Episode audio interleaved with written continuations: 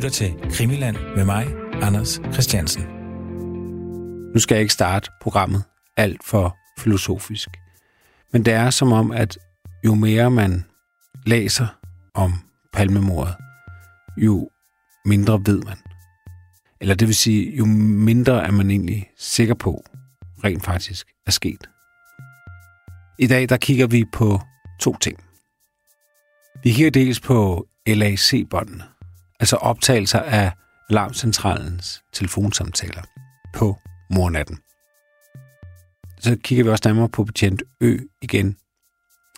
Og det er egentlig i forbindelse med den her Ebbe Carlson-affære, det er fordi, jeg har fået fingrene i en ret udførlig sammenstilling af hele den sag, der blev rejst mod Østling, efter han smuglede ulovligt aflytningsudstyr ind i Sverige i 1988, altså to år efter mordet. Men øh, det var noget aflytningsudstyr, der jo skulle bruges til en parallel, hemmelig efterforskning af palmemordet. Endnu en gang er det i selskab med dokumentarist Christian Kirk Muff. Rigtig god fornøjelse.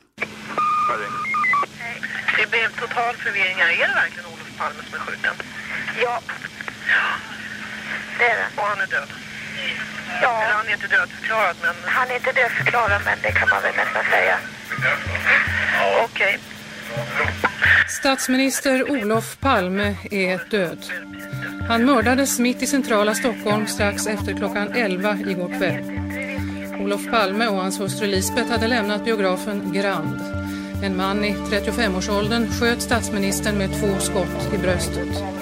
Han fördes till Sabbatsbergs sjukhus där han avled strax efter framkomsten.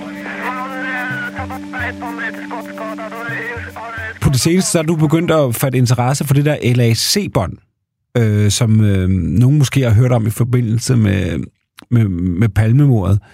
Et, Christian, prøv lige at indvige os helt præcist i, hvad det er for et bånd, og så to, hvorfor ja. det er, at det har vagt din interesse.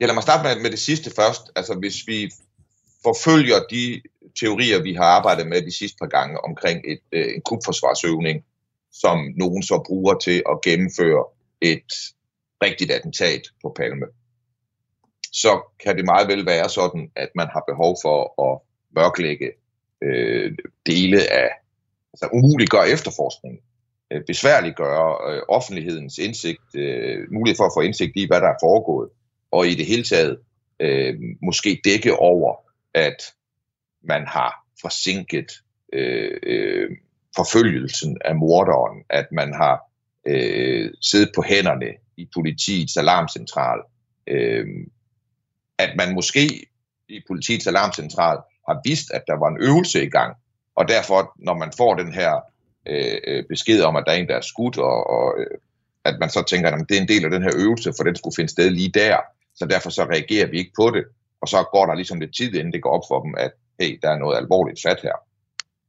Øh, så hvis vi leger med tanken fra de sidste par gange, og vi leger med tanken om, at der er behov for at dølge konsekvenserne af, hvad der er foregået, og skjule det faktum, at der har været en krydforsvarsøvning i gang, så bliver LAC-båndet et meget vigtigt øh, element at have styr på for konspiratorerne.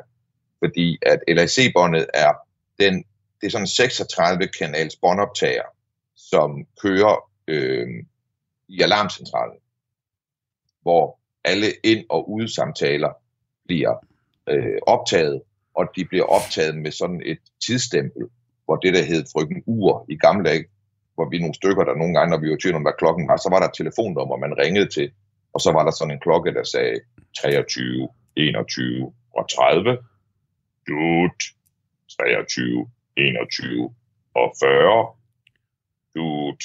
Altså hver 10. sekund ligesom angav tiden, og den præcise tidsangivelse, det var med sådan en dutlyd. Ja. Øh, og, og den, den lyd af det, der hedder frygten ur i Sverige, den ligger ligesom nedenunder de her samtaler, så at man senere skal kunne stadfæste de præcise tidspunkter for, for de her øh, samtaler. Og øh, det, der sker, er, at tidligt, der får Palme efterforskerne, de får en kopi af, hvad der er på det der LAC-bånd. Øh, de får det der angår minutterne inden og, og tiden efter. Men de får det i sådan en redigeret form. De får ikke selve LAC-båndet. Det man skal forestille sig, der er, der er 36 kanaler på LAC-båndet, det er jo fordi, at der kan foregå samtaler parallelt med hinanden. Det de får i politiet, det er et bånd, hvor de her samtaler, de så ligger sekventielt derudad. Stadigvæk med tidsstemplet, så man kan høre, at de her to finder sted samtidigt. Men det er ikke selve, min point er, at det er ikke selve LAC-båndet, de får. Nej. Og øh, plus at det viser sig senere, at det, der er på båndet, er i en vis del redigeret. Altså der er dele, der simpelthen er, øh, er bortredigeret. Det, det er ikke sådan noget, hvor man tænker, altså det er ikke sådan nogle dele, der, hvor, der, hvor de siger, det var os, der gjorde det, nu gemmer vi os ind i et skab. Altså det er ikke sådan nogle, sådan nogle dele, men det var sådan noget, som hvis man lægger det sammen, måske kan give et andet billede af den aften, end det politiet og myndighederne har forsøgt at frembringe. Ikke? Ja. Øh, men, men det, der er med det, det er, at politiet får den her kopi af båndet. Og senere er der så nogle journalister, eller en journalist, der forsøger en Maja Lena Rodelius, som øh, er på den, det blad, der hedder Arbejdet. Øh, og hun forsøger at, at studere, hvad der foregår i den nat, hvad politiet har lavet. Og i den forbindelse, der tager hun fat i øh, øh, den stedfortrædende chef på LAC, og øh, spørger efter LAC-båndet fra den nat. Og så får hun at vide, at øh, den findes ikke længere. Fordi i øh, henhold til gældende instruktioner, og det her det er i, øh, i 87, øh, i 87 får hun at vide, at i henhold til gældende instruktioner og rutiner, så har øh, LAC brændt båndet. Hvem har brændt båndet? LAC. Okay. Så de har den originale båndoptagelse fra den nat, hvor Palme er blevet skudt, og et, et øh, bånd, som måske rummer nogle af de få helt præcise fakta, som er til stede omkring, hvad der er foregået den nat. Øh, men det brænder de, siger de. Øh, I første omgang til hende af journalisten. Øh, det bliver senere modificeret. Det, som de havde brændt, var udskrifterne af, de, øh, altså af ambulancerne, øh, hvad de havde logget ind øh, i, i, øh, i systemerne den aften. Og, men selve originalbåndet, det var ikke blevet brændt, siger de senere ind på LAC. De var blevet genanvendt. Altså, for yngre lyttere, øh, som ikke har arbejdet med kassettebånd i gamle dage, øh, så kan man måske forklare her, at man indspiller noget på et kassettebånd, og så bliver man træt af at høre ABBA hele tiden, fordi man bliver lidt ældre eller skifter musiksmag, og så spiller man noget punk ind oven på ABBA-båndet. Ja. Øh, og så findes de der ABBA-sange ikke længere, men, men nu er det det nye musik der. Og, og det samme her, altså, der kan man ligesom genbruge det her bånd, øh, øh, og sige, jamen øh, nu spoler vi det helt tilbage fra start, og så sætter vi det til at optage, og så indspiller vi ovenpå. Øh, og øh, det er det, de har gjort. ja. Øhm,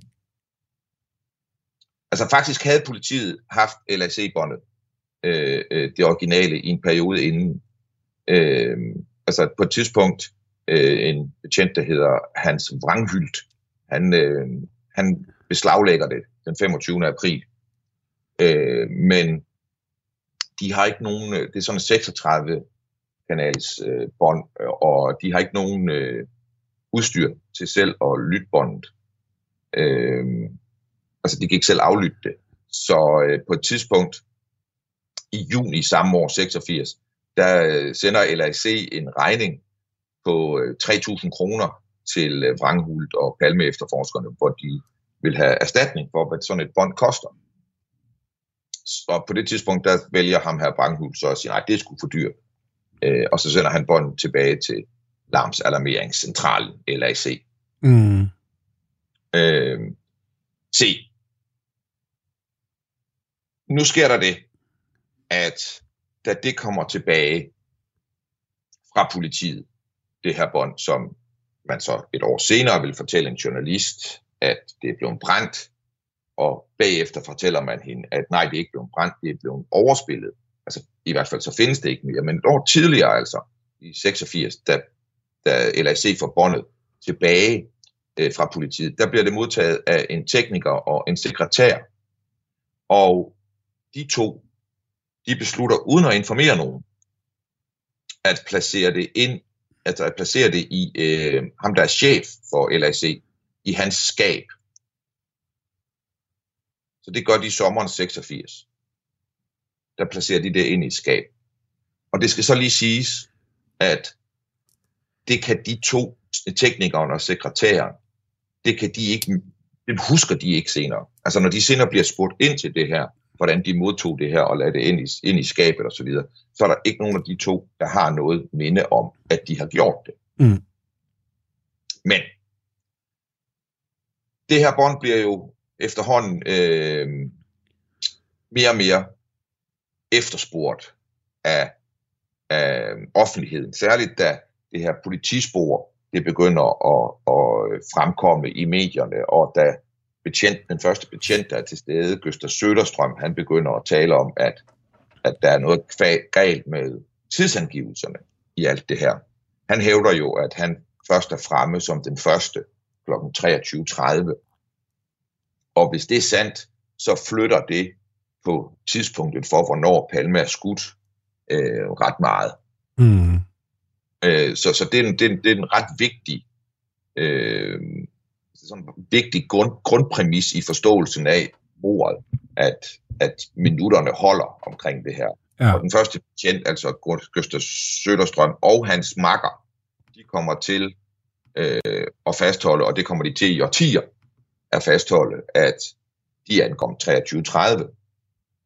Det er så dog svært at få til at passe med alt muligt andet, at det skulle være så sent, men noget kunne tyde på, at den tid, de officielt skulle ankomme på, ifølge politiets tidslinje på det her, som er 23, 21, 23 eller 21 eller 23, 24.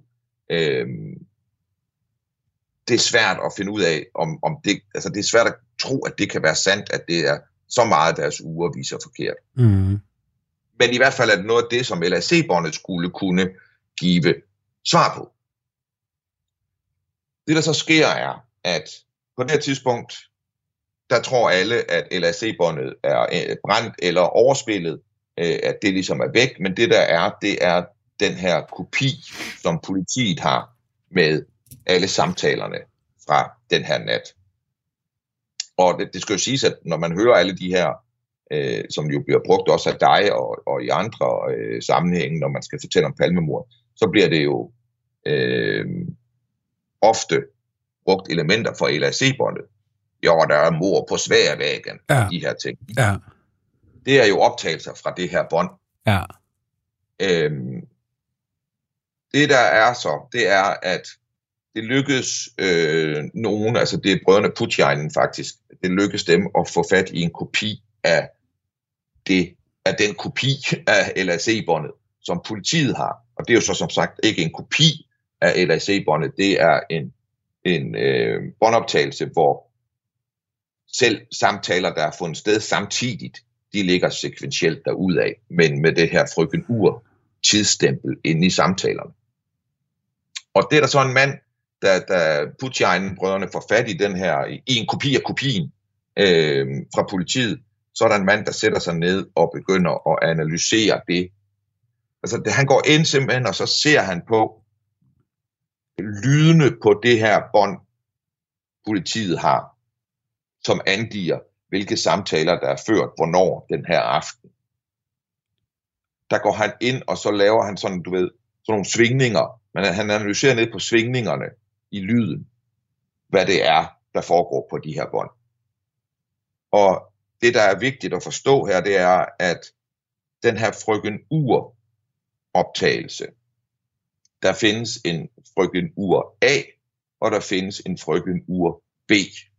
Hvis man nu forestiller sig, at det er frøken ur A, der kører, så vil øh, der kunne opstå en teknisk fejl med det bånd, der kan opstå båndsalat. Det var også noget, der skete i gamle dage, som nyere lyttere ikke ville kunne forstå. Men du ved, der kan simpelthen opstå fejl i sådan en afspilning af sådan en. Og så har man en backup, der hedder frygten ur B. Det, der er særligt, det er, at den her aften, den 28. Øh, februar natten til 1. marts, der er det frygten ur B, der bliver brugt.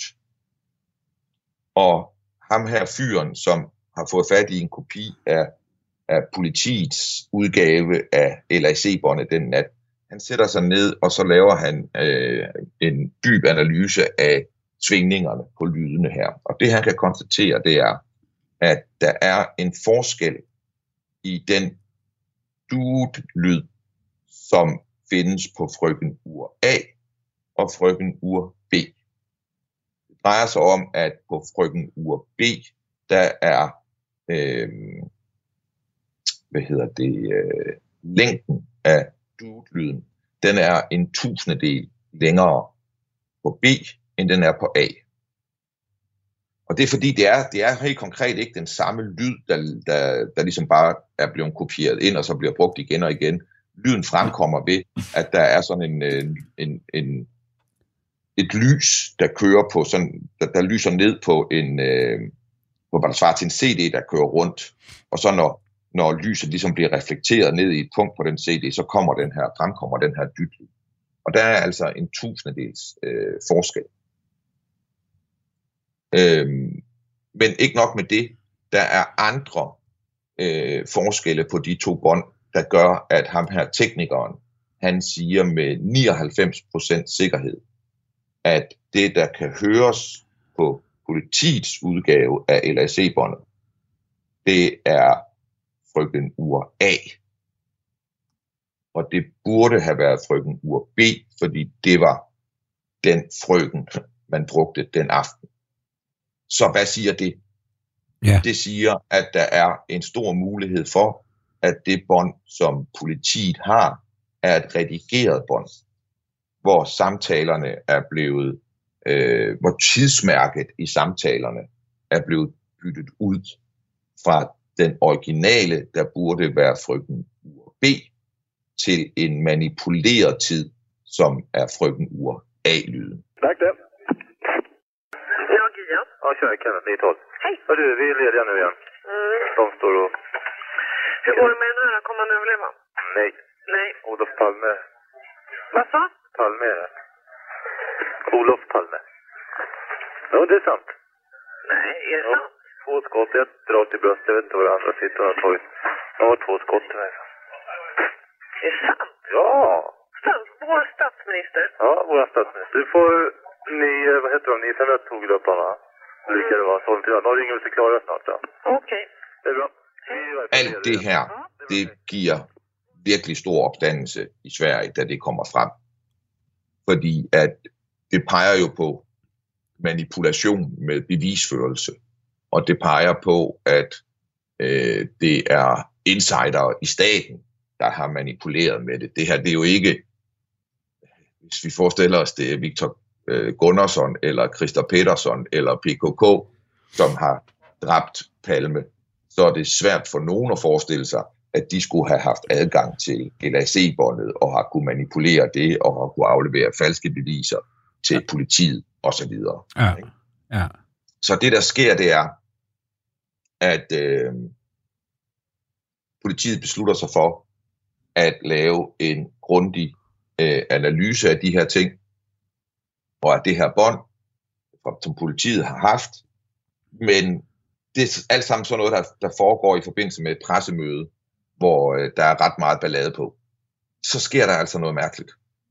Det er lige på det her tidspunkt, at LAC, alarmcentralen derinde, de finder ud af, at hov, sim, salabim, inde i det her skab, der ligger jo det originale bånd. Det var heldigt. Det var ikke blevet brændt. Det var ikke blevet overspillet. Det var blevet, blevet lagt ind i det her skab af en sekretær og en tekniker, som godt nok overhovedet ikke kan huske, at de har lagt det derind. Men det har de. Her er det. Fedt. Så lad os få lavet en grundig teknisk analyse af det bånd. Og ham her, som har lavet øh, analysen, han hedder Mauricio Vigil, han får lov til ligesom at, at rådgive, øh, hvad hedder det, øh, SKL hedder de dem her, der skal lave den tekniske analyse. Men problemet er, at de lytter ikke til ham. Jørgen Amblat, som er palmeanklager på det her tidspunkt, det er ham, der sætter gang i at få undersøgt det her bånd. Han sætter ikke gang i en undersøgelse af, hvad der er sket med båndet. Hvad er hele historien med, at det har været brændt, og det har været overspillet, og det har været bortkommet, og simsalabim, så dukker det op, der er diskussionerne omkring den kopi, politiet har, og den øh, manipulation, som man mener, at man kan bevise i det bånd. Det sætter han ikke gang i.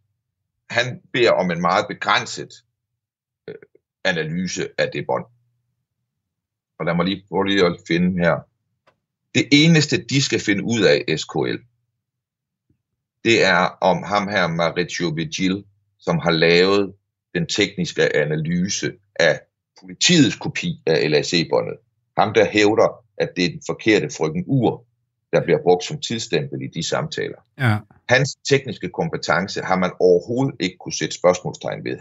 hans analyser af den tusindedels forskel og andre forskelle mellem frygten ur A og B, den har man ikke kunnet angribe på nogen måde. Så det eneste SKL skal nu, det er, at de skal forsøge at finde ud af, om han har ret eller han tager fejl når det handler om hans påstående om, at politiets bånd er blevet manipuleret. Se, Vigil han vil gerne sikre sig, Mauricio Vigil, at det her det bliver så objektivt og forudsætningsløst som overhovedet muligt. Og han får selv øh, mulighed for at fremføre sine anbefalinger til SKL om, hvordan de skal lave den her analyse. Og der går det op for ham allerede under første møde, at på SKL, der havde man ingen erfaringer eller kompetencer med at undersøge sådan nogle ting. Øh, så han sender efterfølgende et brev med hans anbefalinger til, hvordan båndet skulle håndteres, og en kravspecifikation på, hvordan øh, et forslag til en kravspecifikation til, hvordan man skulle gennemføre den her analyse. Se, det kan nok ikke komme bag på nogen, at SKL de slet ikke gjorde, som ham her eksperten han havde anbefalet dem. Se, de kommer hurtigt med en analyse af SKL. De siger, at øh, originalbåndet fra LAC, det som bliver fundet inde i skabet, det kan ikke være indspillet på noget andet, på nogen anden båndoptager, end den, som fandtes på LAC i Stockholm. Det vil sige, båndet kommer fra det rigtige sted. Det er mm. det rigtige bånd, det siger de. Se, de siger også, at det materiale, som politiet har fået, på den kopi, de fik af udvalgte samtaler fra den nats LAC-bånd. Det stemmer med dele af originalbåndet. Der er dog øh, dele af samtaler, som savnes. Og der er også nogle samtaler fra LAC-båndet, det originale, som politiet slet ikke har fået på deres kopi. Og det er så det, de siger. Og de siger, at der ikke er noget, der taler for, at LAC-båndet skulle være manipuleret.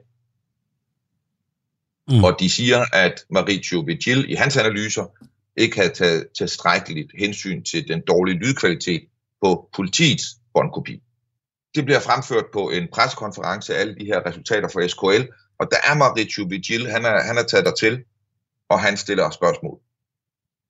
Og øh, der får han flere af de forhold, som han ligesom er bekymret for, øh, og, og, og øh, hans mistanker om, hvor dårligt udført SKL's analyse er, dem får han bekræftet. De har ikke forudsætningerne på SKL for at lave en analyse af den her slags teknik. Det er et magnetbånd, og det er sådan en særlig måde, et magnetbånd bliver indspillet på. Jeg forstår det ikke, men jeg henleder mig til, hvad, hvad jeg kan læse om det. Og øh, der blev ikke konsulteret nogen eksperter i, hvordan magnetbånd bliver indspillet, og hvordan man kan forfalske magnetbånd. SKL, de brugte kun de kompetencer, de havde selv, og de var, ifølge Mauricio Vigil, øh, ikke særlig gode på det her. Mm. De brugte aldrig nogen kravspecifikation for testen. Altså det vil sige, de havde ikke ligesom opstillet på forhånd nogle specifikationer for, hvordan ville de gennemføre det her for at undgå at lave fejl. Mm. SKL havde fuldstændig købt politiets og alarmcentralens historie om, hvordan øh, båndet var blevet håndteret undervejs. Altså, at det har ligget inde i det her skab i al den tid, efter det var hos politiet, eller hos anklageren i nogle måneder i 86. På båndet er der nogle, øh, altså sådan nogle mærkelige øh, fejl. Altså, det, der, det, på et tidspunkt siger klokken, øh, jeg kan ikke huske præcis tidsangivelsen, men det er sådan noget 23, 24, 30, og så næste gang siger den 23, 24, 50. Altså, der er ligesom nogle huller rundt omkring. Det har SKL ikke undersøgt. Altså... De har ikke undersøgt svingningerne i forskellen på frøken ur A og B.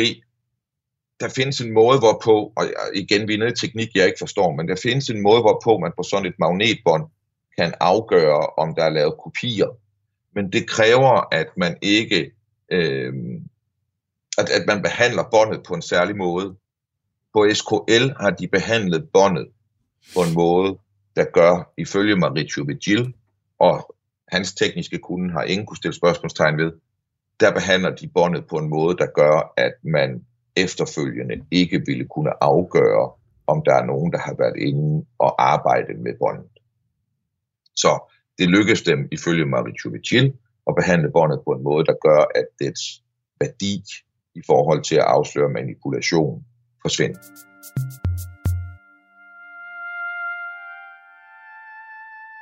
Når jeg, jeg har fra starten ligesom sagt, at noget af det, som jeg valgte i min tilgang til palmemordet, det var at gå så langt væk fra sværvæggen som overhovedet muligt. Mm. Fordi at, øh, at, at jeg synes simpelthen, at det var umuligt at, at finde op og ned på noget som helst derinde, fordi det, jeg kunne simpelthen ikke finde noget data, jeg var 100% sikker på var sandt, end ikke tidspunktet for, hvornår han var skudt. Og det man jo kan sige, vi er i gang med her, det er jo også på sådan en eller anden måde sådan en, altså der er sådan noget mærkeligt noget med tid, ikke? Ja. Fordi, hvad er tid egentlig? Altså, det er jo noget, vi har fundet på kulturelt, at vi har lagt sådan en eller anden måle bånd på vores liv og eksistens. Og så siger vi, det her det foregik på det her tidspunkt. Men hvor svært det er, det peger det her på, fordi selv den rigtige frygten ur, hvis vi forestiller os ingen manipulation og ikke sådan noget, det viser sig, at den er 9 sekunder fejl.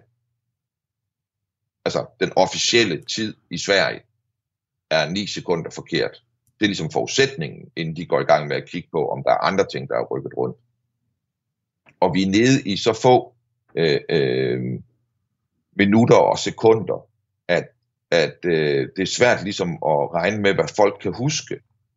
Fordi at når vi oplever noget, som på en eller anden måde er et brud med vores dagligdag, altså noget, som er så forfærdeligt, som et mor på den her måde, så ophører, ophøj, hvad hedder det, ophører vores overenskomst med tidsbegrebet også. Vi kender det alle sammen fra øh, tidspunkter, hvor vi er i chok, hvor vi, vi snakker om, at tiden gik i stå. Altså hvor vi ligesom, når, når der sker noget, der er så voldsomt, så fryser vores tidsfornemmelse. Vi kan ikke længere stole på, hvad vi selv tænker er gået af tid. Jeg har selv prøvet at vente på en, øh, en ambulance, øh, der skulle komme i udrykning og hjælpe en, øh, faktisk mit eget barn. Øh, og, og, og jeg var virkelig bange, og det var alvorligt osv. Og, og, og jeg kan ikke fortælle dig på nogen måde, hvor lang tid der gik fra jeg ringede til de kom. Mm. Altså det, det, det, det er helt umuligt for mig. Øhm, og, og på en eller anden måde så ind omkring det her LAC-bånd, der bryder altid sammen. Og altså vi, ja, det er også her, palmemordet på en eller anden måde bliver sådan en sort hul. Øh, fordi vi er nede nu og diskuterer 9 sekunder, at frøken Ur går forkert. Vi er nede og diskuterer, hvornår ankommer ambulancer og politibiler. Og vi kan finde alle mulige tegn på, at noget ikke er, som det skal være, men vi kan ikke finde nogen endegyldige, fordi at så viser tingene sig at være øh, forsvundne. Øh, og hvis man fortsætter analysen af LAC-båndet, så vil man komme ind i samtaler, hvor man, må, hvor, hvor, hvor man tænker, hvad foregår der her?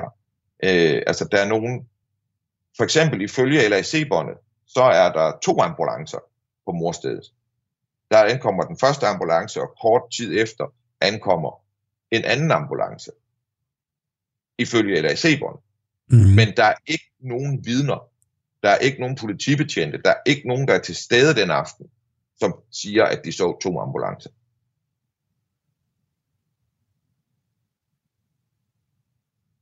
Men ifølge LAC-båndet, så var der to ambulancer.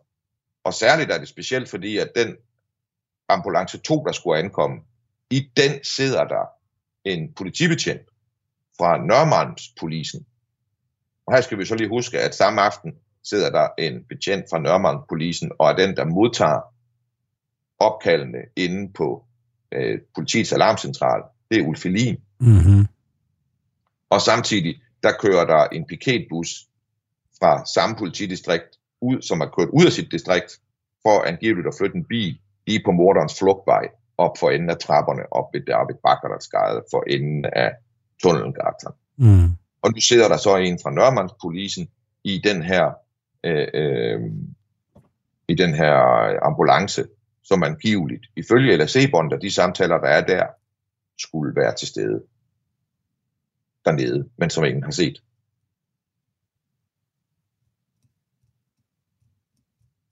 Det, der er problemet ved det her, er, at næsten alt, som er konkret, og som man kunne håbe kunne bruges til noget konkret, til at beskrive, hvad der er foregået i sekunder og minutter omkring det her mor. Det er omstridt. Og i næsten alt er det et spørgsmål om, at man har fornemmelsen af, at der er nogen derinde og gør det svært at bruge noget endegyldigt som bevis. Ja. Det er stadigvæk ikke udredt, hvorvidt politiets originalbånd, eller kopi af LAC-båndet, hvor der skulle være en anden frygten ur, end den, der blev brugt den nat. Det er stadigvæk ikke udredt i bund. Det er stadigvæk ikke sådan, at politiet har nået nogen konklusion omkring det. De besluttede sig bare for at undersøge det originale LAC-bånd og konstatere, at det var det rigtige. Og konstatere det ved at lave undersøgelser, der gjorde, at man ikke efterfølgende ville kunne opdage, om der var lavet manipulationer på bånd. Så, hvad er det for noget, det her? Jeg ved det ikke, Anders. Jeg ved det ikke. Det her det er en af grundene til, at jeg løber skrigende bort fra morstedet og mortidspunktet og tænker, nej, nej, nej, nej, nej. Herinde i det her kaninhul, der bliver man skør. Men det, jeg kan bruge det til, det er at sige, alligevel påfaldende, at selv de beviser, som burde være mest konkrete og burde være mest uomtvistelige, som et bånd, som det, der sidder inde på alarmcentralen, det viser sig at være igennem en historie, som efterlader så meget tvivl og mystik, at jeg tænker, det var alligevel påfaldende. Og der, hvor det bliver alvorligt påfaldende også, det er, at der er ligesom to netter i 80'erne, som er vigtige i at forstå palmemordet. Det er den nat, hvor mor sker. Mm-hmm. Og der har vi balladen med LAC-båndet, som jeg har berettet det. Den anden nat, det er den nat, hvor Per Ola K. og Ø på Ebbe Carlson og den socialdemokratiske politiske top, justitsministeren, statsministeren, Karl Lindblom, øh, der er, øh, der er øh, ambassadør i Paris, og på det her tidspunkt er i gang med at lave en udredning af SAPO, fordi man mistænker, at PGNS er spion. Og ledelsen i politiet, den øverste politichef og den øverste chef for SAPO, alle de her folk er involveret i indsmugling af det her aflytningsudstyr. Og da det bliver opdaget i tollen i Helsingborg, så bliver det til det, man kender som Ebbe Carlson-affæren. Ja.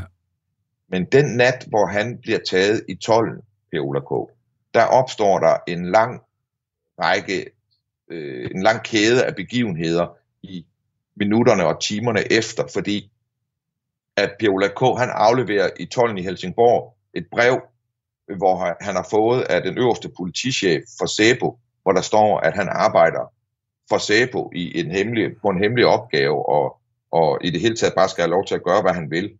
Det er tollerne, de ringer så til øh, Sune Sandstrøm, som er leder af Sæbo på det her tidspunkt, og spørger til, om han, kendes, han vil kendes ved det her, og det vil han ikke umiddelbart.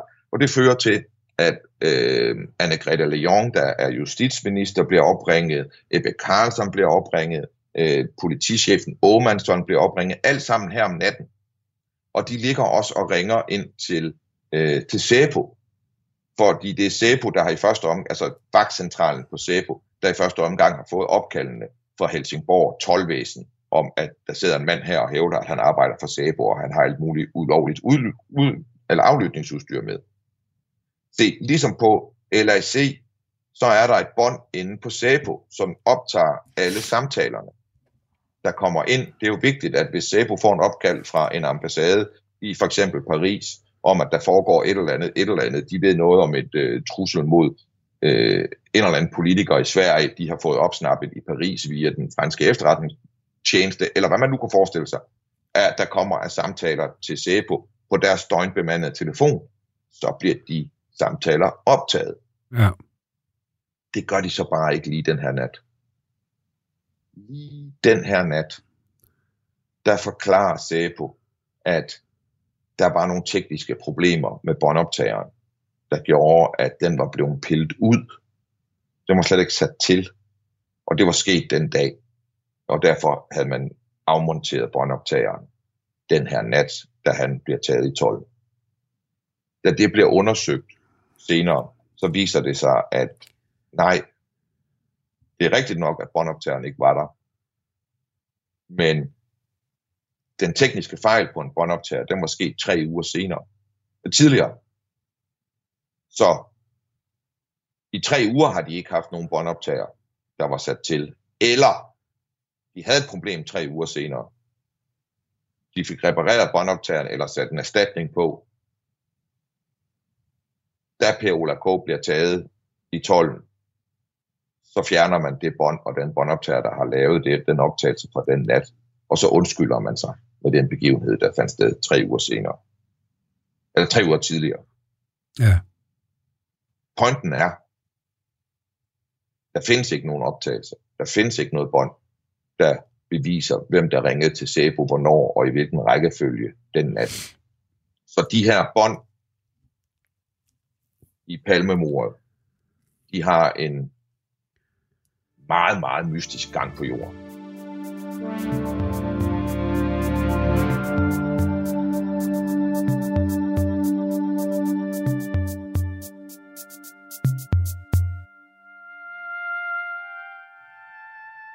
Det sjove er, jeg har jo lige fået øh, et nyt dokument, øh, som er en sammenstilling af hele 12 sag mod Østling øh, i forbindelse ja. med Ebbe Carlson-affæren.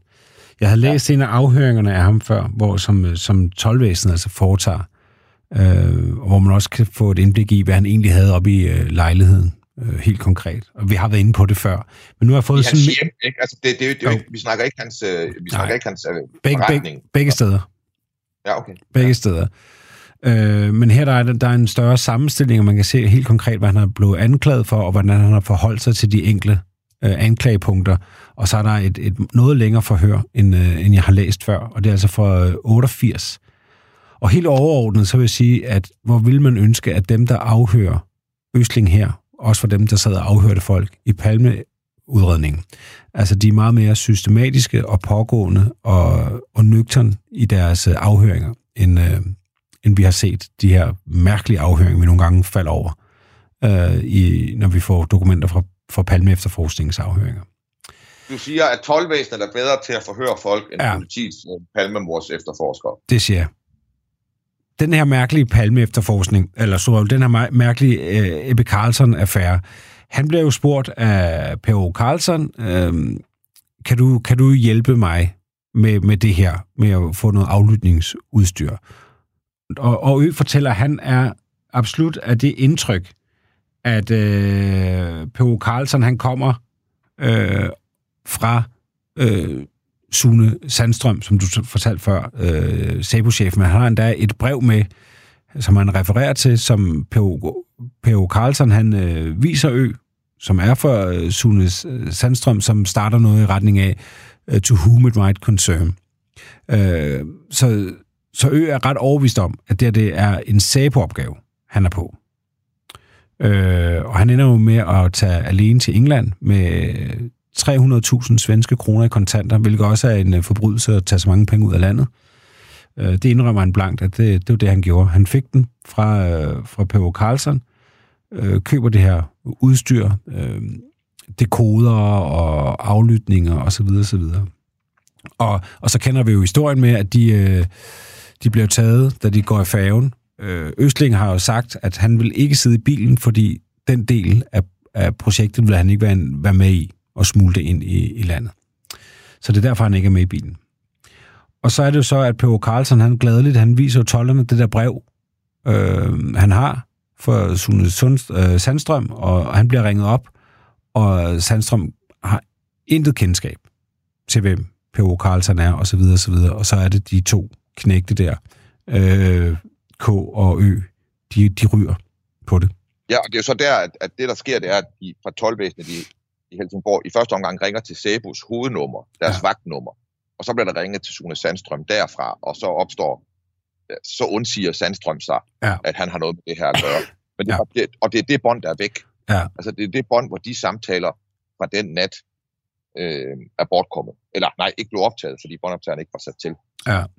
Det, det, det Ø fortæller faktisk, som er, som er lidt interessant, det er, at han siger, hans gamle ven, Per Carlsen, de kender hinanden fra way back. Og Per Carlsen, han er jo også livvagt for Hans Holmer. Og vi ved også, at Ø leverer jo også sådan noget skudsikker ruder og anden ting til, til Palme efterforskningen. Så de, de kender hinanden øh, i det her slæng.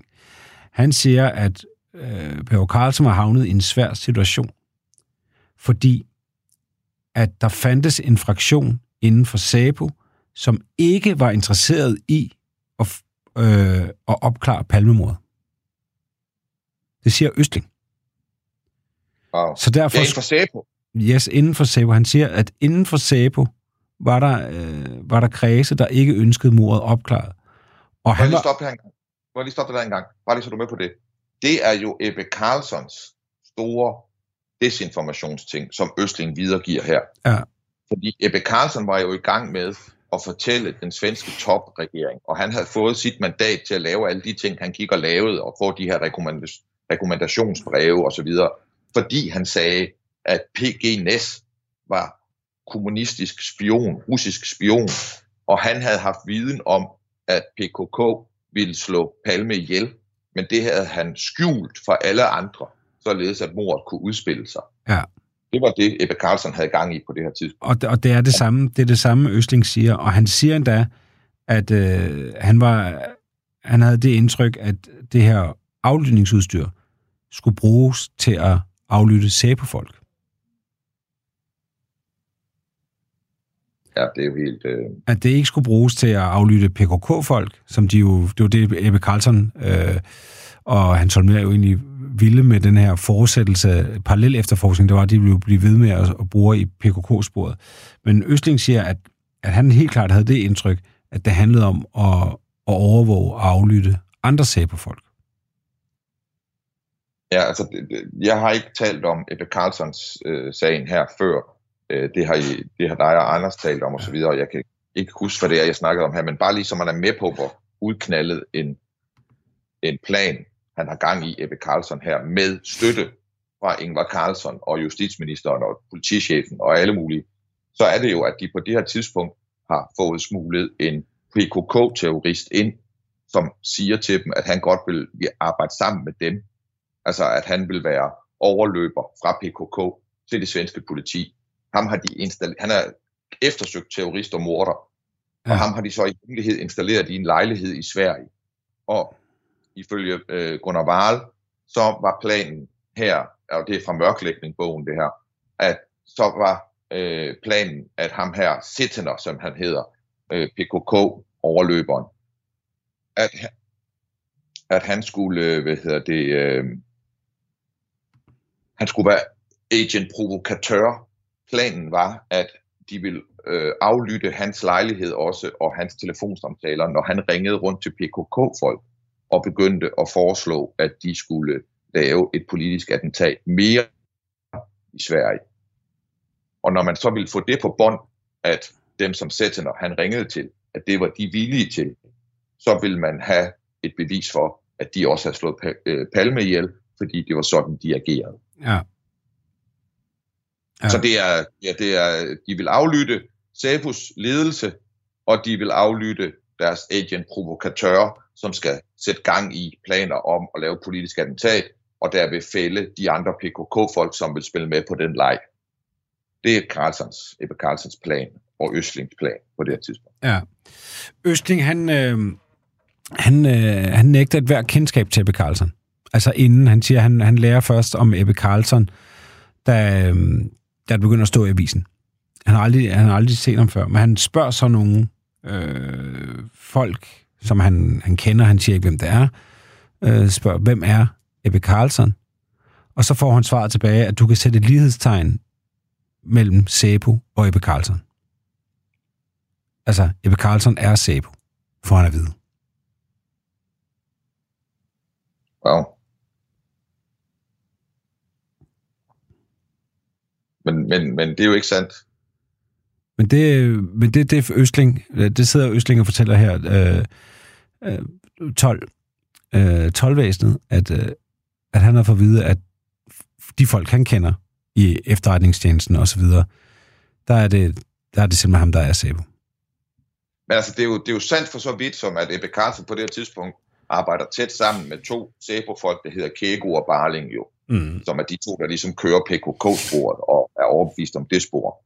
Og det er sandt for så vidt som, at den øverste chef for SEPO er øh, Sune Sandstrøm, og han er informeret om, hvad Ebbe Carlsen har gang i. Men det er ikke sandt for så vidt som, at øvrige ledere i, i øh, er klar over det her. Altså for eksempel at P.G. Nestal, der snart, han, han står lige for at skulle afgå, øh, han ved ikke, at det her det foregår. Nej.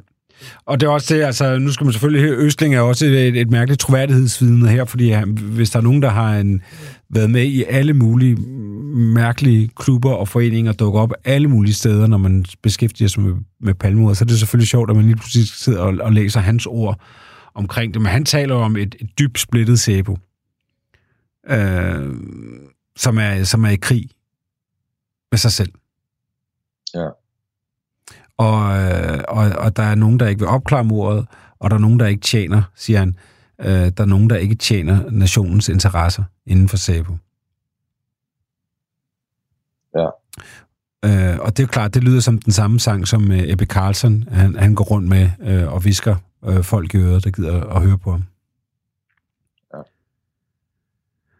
Så kan man også få at vide, at øh, Østling, han, øh, han skal forholde sig til nogle af alle de våben, han har. Øh, og han har mange. Øh, og nogle af dem, mange af dem, det er sådan nogle, han finder, siger han. Så har han fundet et engang, han var i Finland, har han fundet et våben og taget med hjem, og så har han fundet et våben der. Og så har han samlet no- noget op øh, efter en øvelse. Og han har blandt Bare andet... stop, bare lige stop, bare lige stop, bare lige her. Igen, Leif Tells forklaring på, hvorfor han har en SS-hjelm sammen med de to walkie-talkier skjult i bunden af et skab hjemme hos sig, det er bare, at det var noget, han samlede op ude på en ø. Ja. Altså, de samler godt nok mange ting op.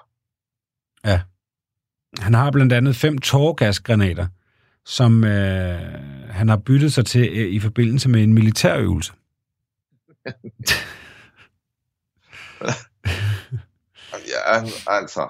Og han var med på, han var med i nogle militærøvelser, blandt andet også, vi ved jo selvfølgelig den, han var med i, øh, som vi har snakket så meget om, hvor han er sammen med Jernissen, hvor de skal prøve at se, hvor tæt de kan komme på herrens øverstbefalende.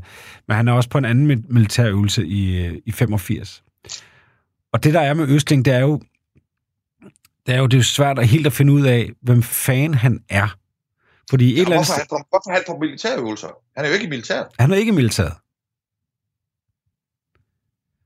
Hvorfor sidder han øh, i... Jamen, det er det. Hvorfor er han på militærøvelse? Øh, altså, han, Det, det, det skal jo med her. Han er jo tidligere, han er jo med i, øh, hvad hedder det, øh, i baseballligaen. mm, Og han kender Per Ola K. Øh, fra baseballligaen, hvor Per Ola K. bliver ansat som helt ny grøn øh, betjent. Der bliver han smidt ind i baseballligaen, som er det hårdeste af det hårdeste i svensk politi. Og der bliver Østling sådan en slags øh, mentor for ham mm, i øh, baseballligaen. Og for lige for at gøre den færdig, det er jo også øh, Claus Dyrfeldt og et par andre i den piketbus, som er i nærheden af mordet og har forladt sit politidistrikt den nat, de er også tidligere baseballligaen. Og de, øh, hvad hedder det, øh, livvagter, som Holmer hyrer ind til sig selv i tiden mm. efter Palmemor, de er også fra baseballligaen. Ja. Og baseballligaen er kendt i Sverige, fordi at de var øh, de hårdeste af de hårdeste af betjente. To af dem øh, blev frifundet for at have øh, været ansvarlige for en anholdt dra, øh, han, en, en anholdt dør under deres varetægt, mens de forhører ham i et forhørsrum. Og konklusionen på, på, øh, på hans dødsfald, det er, at det er et bord i det der forhørslokale, der har slået ham ihjel. Mm. Ja, og det er, det er jo hans Holmers opfindelse, den der baseball-liga. Østling, ja. han optræder jo, vi kan leve, altså det er ikke fordi, vi det hele op. Østling er jo, øh, er jo interessant i Palme efterforskningen, blandt andet på grund af den der kontorlejlighed med indgang til, fra David Bakartsgata, øh, Hav i Våben, øh, stor nazist, øh, ingen tvivl om, han lader sig udskrive på mordagen mod lægernes anbefaling. Han ligger med spring blindtarm. Han, øh, øh, han har sgu efter sine øh, fortalt sidde på bagsædet af en bil på vej til den amerikanske øh, ambassade og underholdt med, at han ved, hvem der øh, skød Olof Palme. Det er der en betjent, der har, har fortalt. Når der er en, øh, en radioforening, der spiller et, et radiohørespil på mordagen, der handler om at slå øh, kongen ihjel. Mange har hørt det som en, en advarsel eller en, en, en forvarsel. Øh, den forening, der står han på medlemslisten øh, og så videre, så videre, og i grænsen... Ja, faktisk det vigtigste, det vigtigste næsten, det er jo også, at hjemme hos ham finder man en enkelt patron, som stemmer med den øh, med den meget usædvanlige type af kugler, som er den Palme bliver skudt med. Mm. Altså det er jo en særlig øh, kugle, som er i stand til at gå igennem en skudsikker vest. Ja. Og det, den er meget, meget usædvanlig og meget, meget dyrere end almindelige kugler. Ja. Og ja, der findes en man til hjemme hos Østland. Ja, og i Grænsningskommissionen, der er jo et langt, langt afsnit om, om det hedder Polismand A. Deres konklusion er, øh, det man gjorde i forbindelse med at efterforske Østling, det gjorde man for lidt, og det man fik gjort, det gjorde man alt for sent. Øh, så han er sådan en mærkelig æderkop, der dukker op øh, alle steder. Har også øh, handler med, med, med Sydafrika. Noget af det her indsmuglingsudstyr, Øh, det har han jo det har han faktureret til den sydafrikanske ambassade. Øh, og der har han selvfølgelig også et forklaringsproblem med, men det siger han, det er, fordi dem handlede han tit med, så han brugte dem som, som dække.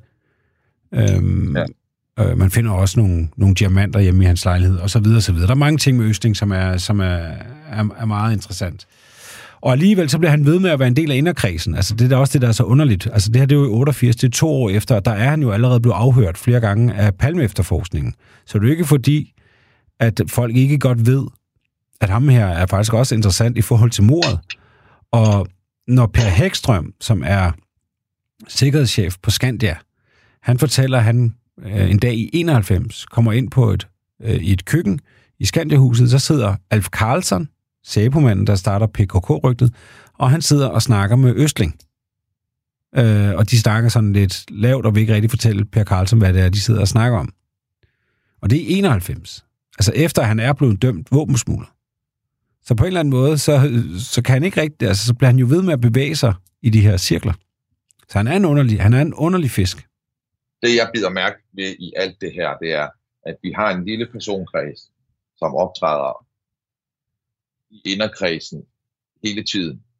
Både på mornatten og i tiden efter. Og vi har en række tekniske beviser, der burde være helt objektive, som er bortkommet i lange perioder, og som hvis autenticitet er omstridt efterfølgende.